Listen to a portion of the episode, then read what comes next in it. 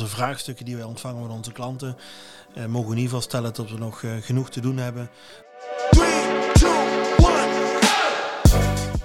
Welkom bij BCT Talk, de podcast van BCT. In deze podcastserie staat het vakgebied informatiemanagement centraal.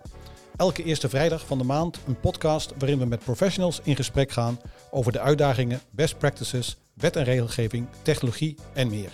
Allemaal binnen het vakgebied informatiemanagement. Heel veel luisterplezier. Hallo, leuk dat jullie luisteren naar deze aflevering van BCT Talk. Mijn naam is Marcel Mertens en ik ben product marketeer bij BCT. Vandaag aanwezig is Ruud. Ruud, welkom. Dankjewel Marcel. Ruud is business unit directeur bij BCT en ook strategisch product manager. Vandaag gaan we het voornamelijk hebben over de status van informatiemanagement. Maar ik wil eigenlijk beginnen met ehm, de digitale ontwikkeling van een marketeer. Klinkt gek, maar we hebben uh, vandaag onze eerste echte podcastaflevering. En daartoe heb ik wat apparatuur aangeschaft. En daar verwachtte ik van, nou, uh, hoe moeilijk of hoe makkelijk zou het zijn. En eigenlijk, aan één kant dacht ik van, nou, het zal best wel lastig zijn. Maar aan de andere kant, het was ook zo, zo gepiept. Binnen no time een eerste opname gemaakt. En ook binnen no time dat op het internet gezet. Ik denk van, ja, weet je, ja, voor, voor mij als marketeer is dit gewoon een, echt het walhalla. Het ziet er indrukwekkend uit wat hier allemaal staat. Ja, ik ben er zelf ook wel uh, echt heel erg tevreden mee. Het ziet er mooi uit, het werkt ook goed. En uh, naast onze podcast gaan we dit ook gebruiken bij, uh, bij onze andere productvideo opnames en, en webinars. Dus het werkt, werkt echt fantastisch. maar het leidt me wel tot, tot van hoe zit het nou eigenlijk met, met de rest van Nederland? Hè? Het hele digitalisering, hè? dit is dan maar hardware. Maar hoe ga je het om met, met informatie? Want het thema is tenslotte informatiemanagement. Hoe gaan we daarmee om? Nou, ik denk dat we mogen stellen, uh, dat we nog wat te doen hebben met z'n allen. En uh, daar hebben we ook vandaag deze podcast voor uh, benoemd. we hebben nog een lange weg te gaan, zoals ons eerder gezegd. En ik denk dat we zien in huidige onderzoeken, maar ook in onze projecten en onze dienstverlening en onze vraagstukken die wij ontvangen van onze klanten, mogen we geval stellen dat we nog uh, genoeg te doen hebben. Daarmee gezegd hebben ook dat we zien dat de data op dit moment 60 tot 80 procent toeneemt per jaar. En maar 20 procent daarvan gestructureerd is. Dus uh, het is geen verrassing dat een gigantische berg informatie op ons afkomt waar we iets van moeten vinden. Ja, dat, dat klopt wel, ja. En ook als je terugkijkt naar de recentelijke aankondigingen, de, een staatssecretaris digitalisering. Ik, ik denk dat ze een flinke kluif zal krijgen. Ja, ik zou niet uh, met haar willen ruilen op dit moment. Ik denk dat haar to-do-lijstje langer is dan haar periode. Uh, maar ik denk ook niet dat zij alles voor ons gaat oplossen. Laten we elkaar niet voor de gek houden. Uh, ik denk wel dat ze een aantal dingen kan adresseren. En ik denk dat wij in staat moeten zijn als klanten, leveranciers en verbonden verbonden eh, gemeenschappen om in ieder geval de juiste zaken te adresseren die belangrijk zijn. We hebben natuurlijk genoeg IT-projecten zien mislukken in de Nederlandse overheid. Laten we in ieder geval zorgen dat we daar oog voor hebben en dat we de juiste mensen op de juiste plek zetten om dat soort innovaties vorm te geven. Dus uh, ik denk dat ze zeker genoeg te doen heeft, ja, ja. maar we moeten ook niet het onmogelijke verwachten. Ja, maar um, als je naar haar zou spreken, en, uh, zou je haar een, uh, een to-do-lijstje kunnen over, overhandigen? Ja, ik denk, denk best een flink to-do-lijstje. Uh, maar dat is natuurlijk altijd uh, uh, gespiegeld op onszelf. ik denk een van de belangrijkste zaken die zij moet doen, is zicht hebben op cybersecurity en, en IT. de risico's daarvan, maar vooral ook de bewustwording. We zien genoeg vervelende signalen en vervelende berichten in de media over cybersecurity en waar het misgaat. Uh, ik denk dat het vaak te maken heeft met opleiding, met kennis en kunde. Natuurlijk kun je systemen beschermen, maar ook we moeten onze mensen, medewerkers en, uh, en burgers en ondernemers meenemen in de risico's van IT. Ja. Dus eigenlijk weer, weer uh, als ik dat samenvat, je moet aandacht hebben voor drie thema's: mens, processen en systemen. Als je daar aan werkt, dan, dan maak je een grote stap in digitalisering. Ja, nou, andere puntjes op die takenlijst zouden wat mij betreft zijn het afdwingen van bepaalde open standaarden en architectuurprincipes. Hetzelfde als we spelregels hebben op de Nederlandse wegen, uh, zou het voor mij heel logisch zijn dat er ook spelregels zijn in architectuur en open standaarden. Uh, we kunnen ze heel goed beschrijven, we kunnen programma's lanceren om ze te introduceren in doelgroepen, maar vervolgens moeten we ook de slagkracht hebben en ook durven op te leggen dat die uh, standaarden geadopteerd worden. En als laatste, ik denk dat we nog uh, moeten toezien op um, applicatieharmonisatie en het zorgvuldig opslaan van data. Zeker waar het gaat om data die van burgers of van ondernemers is, daar moeten we zorgvuldig mee omgaan en daar spelregels over afspreken. Ik ben benieuwd. In, uh, in juni uh, dit jaar zou ze met een eerste uitgewerkte beleidsnota komen. Dus ik ben benieuwd wat, wat erin zat en wat ze als eerste wil gaan oppakken. Ja. Net het over, over security, dat dat erg van belang is en, en toegankelijkheid. En nu hebben wij een ACC ICT gekozen als partner voor onze cloud solutions. Um, kan ik dat ook in dat kader zien, Ruud? Ja, we hebben inderdaad ACC ICT gekozen als uh, preferred cloud partner. Niet alleen voor de situatie nu, maar vooral ook voor de situatie straks. Daar zoek je een partij voor die uh, naast het bestaande spectrum aan uh, softwareproducten kan hosten. Ook met ons meedenkt naar de toekomst en daar ja, de dag van morgen met ons plaveit. En voor, vooral zorgt dat alles veilig gebeurt in een datacenter waar wij als softwareleverancier, maar ook onze klanten op mogen vertrouwen. Lijkt me een uh, mooi onderwerp voor een, uh, een van onze volgende afleveringen uh, in onze podcast. Kunnen we zeker een keer uitnodigen. Ja, dan gaan we, gaan we gewoon doen. Gaan we gewoon doen. We hebben het kort gehad over dat je systemen op orde moeten zijn, maar um, daar ben je dus niet alleen. Hè. Je moet ook aan de menskant denken. De mens is en blijft volgens mij toch een belangrijke factor. Um, en ik weet van het Nationaal Thuiswerkonderzoek um, van van vakwereld. Ja, klopt. Um, die, uh, dat is toch wel waard om, uh, om uh, dat eens hier, hier, te, hier te bespreken. Ja, het is een mooi onderzoek. Ik heb het vorig jaar, eind vorig jaar gelezen. onder andere ontwikkeld door John de Waard, vakwereld. Een onderzoek gedaan over het thuiswerken en de impact van het thuiswerken op informatieveiligheid, maar ook het gebruik van systemen. lijkt me goed om John gewoon eens even te bellen om te kijken hoe hij dat ziet. Uh, laten we het proberen, want we hebben tenslotte de apparatuur ervoor. Kijken of dat nog werkt ook. Dus uh, ik, uh, ik, zoek zijn nummer wel even op. En dan uh, gaan we hem eens even bellen. Kijken of dit werkt. Kijk, dat, ik hoor de, de, de telefoon al overgaan.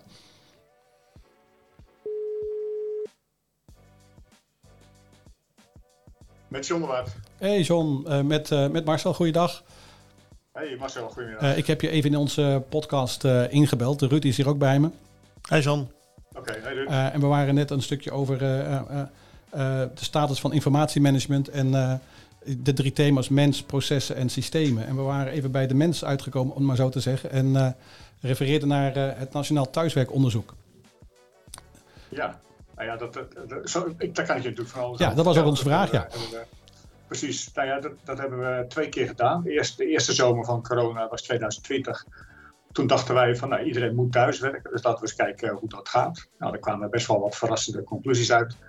Uh, en, de, en de tweede zomer hebben we dat nog een keer gedaan, in, om te kijken of er misschien wat verschillen zaten. Uh, en mensen raakten eraan gewend of niet. Uh, sommige mensen zullen er nooit aan wennen misschien, maar in ieder geval, toen hadden we bedacht van nou ja, we hebben toch tijd genoeg gehad om daar een beetje actie op te ondernemen als dingen niet helemaal lekker lopen. En nou ja, dat, dat, dat, daar bleek uit uh, dat er nog inderdaad al wel wat te doen is. En John, het, is heel wie was die doelgroep van het onderzoek? de doelgroep, inderdaad, we, we, hebben het gedaan onder ongeveer 10.000 nieuwsbrieflezers. Die zijn niet alleen maar van documentwereld, we hebben nog een paar andere vakwerelden. Maar het zijn wel allemaal professionals, allemaal mensen die in hun vakgebied alles bijhouden. En uiteindelijk heeft elke organisatie te maken met een, een vorm van administratie en een vorm van, van informatie waar ze, waar ze hun business mee doen. Dus uiteindelijk iedereen die, uh, die thuis gaat werken, die krijgt ermee te maken van, uh, van, van hoe, je, hoe je dat moet organiseren. Nou ja, dat, er zijn dan een paar zaken belangrijk. ik weet natuurlijk niet helemaal precies waar jullie het al over hebben gehad. Maar het, het gaat dan over, vooral over de beschikbaarheid van informatie, de veiligheid van informatie. Kunnen mensen bij de processen en kunnen ze op, een, op een goede manier omgaan met de informatie? En doen ze dat ook? Nou, daar, valt best wel wat over te zeggen. Wat zijn je, wat zijn je, eerste, wat zijn je eerste bevindingen, John, als je er eens een paar kunt noemen? Nou ja, de, de, de, wat opvalt is dat er, uh, los van het feit dat mensen niet altijd uh, een goede werkplek hadden, zeg maar, dat, dat, dat is in de regel wel, wel op te lossen, ook met, misschien wel met eigen middelen. Maar wat bijvoorbeeld opvalt is dat uh, van de ondervraagden tussen de 80 en de 85 procent van de mensen werken met vertrouwelijke informatie. En dat weten ze ook. Ze weten dat het vertrouwelijke informatie is. Maar als je, als je dan tegelijkertijd uh, leest dat, uh, dat tussen de 60 en de 65 procent van de mensen gebruik maakt van filesharing applicaties, dus Dropbox, Box, OneDrive, Google Drive, noem maar op. En ook nog eens een keer 60 procent gewoon eigen apparaten gebruikt. Ja, dan, dan, dan gaat er volgens mij toch iets, iets niet helemaal goed als je, als je het nog steeds wilt hebben over vertrouwelijkheid en over veiligheid van informatie. Er waren, er waren zelfs mensen die antwoorden doodleuk dat ze documenten, bedrijfsdocumenten op een eigen harde schijf opslaan. Ja, dat lijkt me toch niet helemaal de bedoeling. En mogen we dan concluderen, John, dat dat ehm, mede door het thuiswerken, door de pandemie die ontstaan is, eigenlijk een stap terug is in die digitale volwassenheid die we met z'n allen hadden bereikt? Nou ja, je kunt je afvragen of we die digitale volwassenheid hadden bereikt. We, waren, we dachten misschien dat we verder waren dan we daadwerkelijk waren. We, waren we waren natuurlijk aardig op weg om, uh, om langzaam maar zeker die digitale transitie door te maken. Eh, daar heb je het over beschikbaarheid, vertrouwelijkheid, thuiswerken. Eigenlijk heb je het niet over thuiswerken, je hebt het over plaats en tijd onafhankelijk werken. Nu, nu ging het erom dat iedereen naar huis gestuurd werd. Maar ja, je kan, je kan net zo goed onderweg in, in, in zo'n hotelketen heb je tegenwoordig ook... Uh, allerlei lounges met uh, voorzieningen waar je, dan, uh, waar je dan gewoon moet kunnen gaan zitten. En dat, dat is prima, dat kan. Maar dan is nog steeds de vraag, ja, waar, waar, waar, staat dan de informatie die jij nodig hebt? Staat die nou op je laptop of staat die op je, op je tablet of staat die via een beveiligde verbinding alsnog op de server bij het bedrijf. Uh, dat, dat, dat, zijn zaken die moet je dan wel goed regelen. Wat zijn de risico's, John, als we kijken naar uh, het gebruik van privé-apparatuur, hoor ik je zelf zeggen, maar ook het uh, eigenlijk ja. systemen gebruiken die we eigenlijk niet primair hebben aangewezen voor het opslag van, van dat soort gegevens. Wat zijn de risico's, jouw inziens? Nou ja, kijk, nog even terugkomend op die 85% uh, die aangeeft dat ze met vertrouwelijke informatie werken. Ja, dan, dan, heb je, dan heb je dus een probleem. Want als je zodra de, de, de, de berichten over hacks en veiligheidscrashes en, uh, en allerlei andere datalekken, die, die zijn niet, uh, niet van de lucht, zeg maar. We zijn, uh, ga maar eens kijken op de site bij Autoriteit Persoonsgegevens. Dat slaat een schrikje om het hart. Dat is niet altijd allemaal even erg. Maar het zijn, het zijn toch wel elke keer weer incidenten. En niet bij de kleinste organisaties of je nou hebt over Belastingdienst, Nationale Politie, eh, om er maar, maar een paar te noemen die een beetje opvallen. Maar er, zijn, maar er zijn natuurlijk ook wel heel veel mensen die, uh, heel, veel, heel, veel, andere bedrijven, gewoon commerciële bedrijven, die daar ook tussen staan. Je, je schrik je echt rot. En zie je nou, en dat betekent dat, en zie je nou verschil ja? tussen dat eerste en dat tweede onderzoek? Vraag ik me dat af. Nou, eerlijk gezegd verschilt het nog niet eens zoveel. Uh, het enige nou, een aantal, het zijn een paar dingen. De digitale beschikbaarheid uh, was in die tweede zomer wel wat toegenomen. Niet eens heel veel, maar wel wat. En, het, en, de vertrouwelijke informatie die dan ook beschikbaar zou zijn uh, buiten de organisatie, die was, die was met 10% gezakt. Dus 85% werkte mee, maar de hoeveelheid vertrouwelijke informatie was uh, nou ja, van, 35 naar, van 45 naar 35% gezakt. Dus hebben, misschien zijn we toch langzaam maar zeker wel iets aan het leren. Maar het gaat wel heel langzaam. Ja, je zult zien dat we daar ma maatregelen hebben. Natuurlijk altijd tijd nodig om ze ook door te voeren.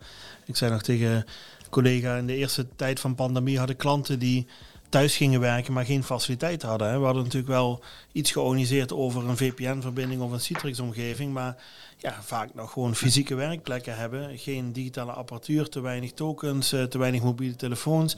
Dus ook fysiek en, en, eh, en informatietechnisch waren we gewoon nog niet in staat om die volledige taakstelling te doen op een andere locatie. Is dat ook iets wat jij terugziet in je onderzoek, eh, John? Ja, ja, ja, ja absoluut. We hebben, uh, we, hebben, we hebben er expliciet naar gevraagd hè, of, of de organisatie uh, tot thuiswerken faciliteert.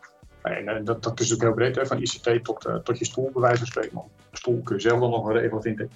Maar de, minder dan 50% van de organisaties, van, de, van de respondenten, gaf aan dat die organisatie zeg maar, de thuiswerken volledig faciliteerde. Dat was er nog ongeveer 30% ten dele.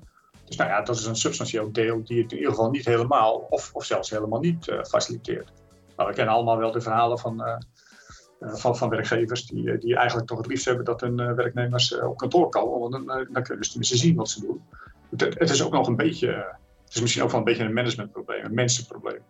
Uh, daar is het over processen, mensen ja, en zeker. over informatie. En onwennig. Ik denk dat ja. als we naar onszelf kijken, vinden, vonden we het ook heel onwennig om opeens een groot gedeelte van ons personeel niet meer te zien voor een jaar.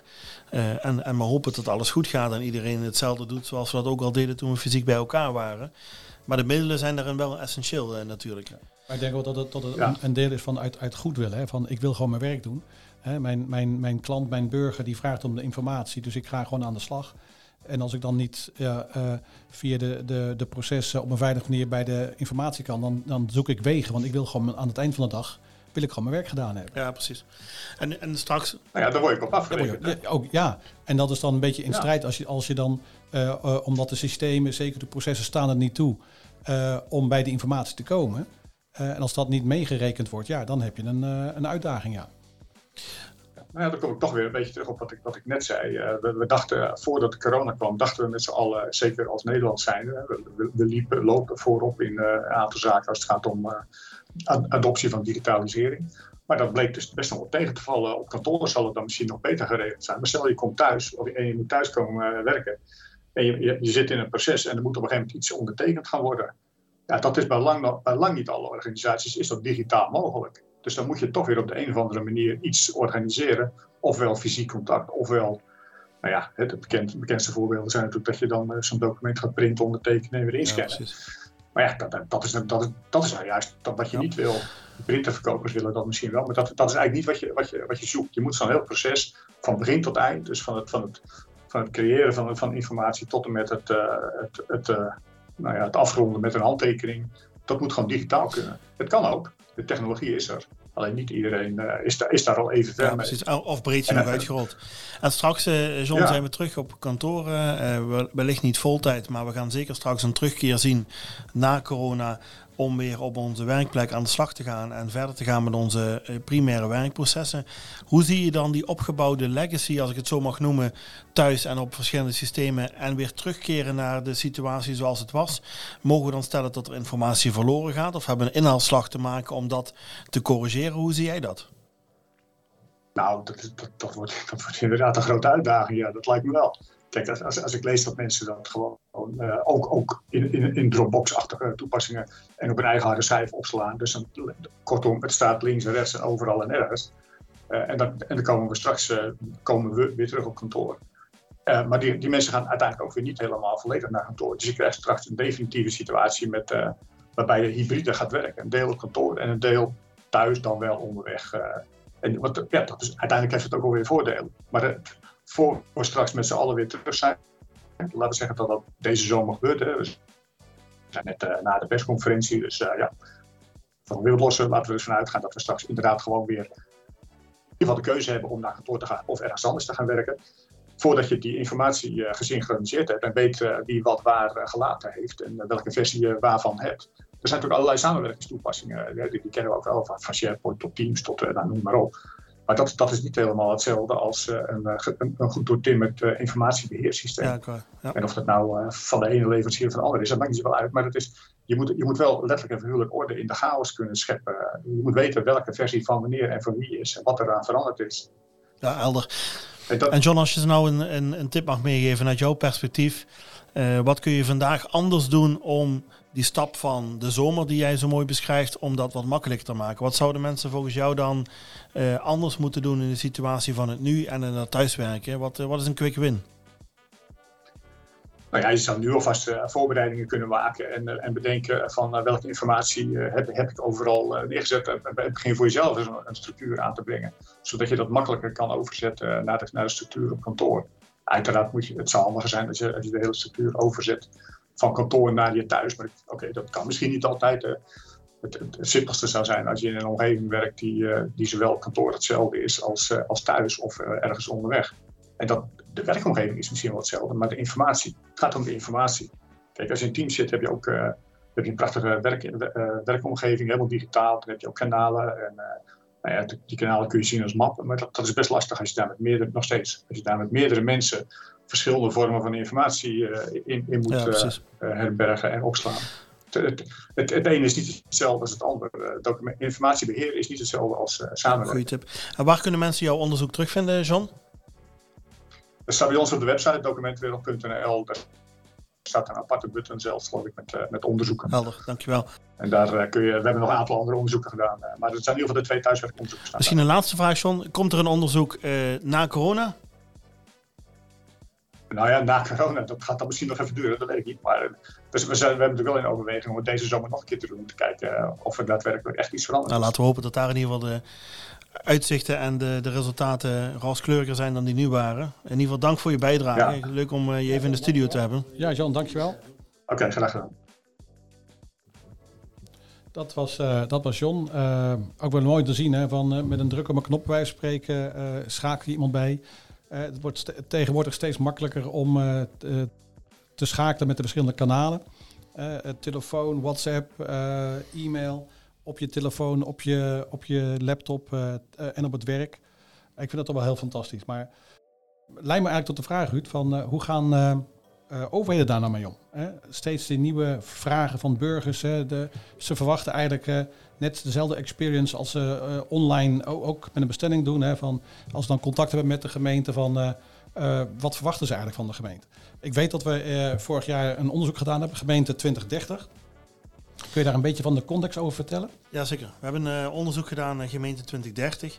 Wat je vaak zag is natuurlijk dat we uh, een mening hadden over het gebruik van, uh, van, van software in de adoptie van digitale innovaties.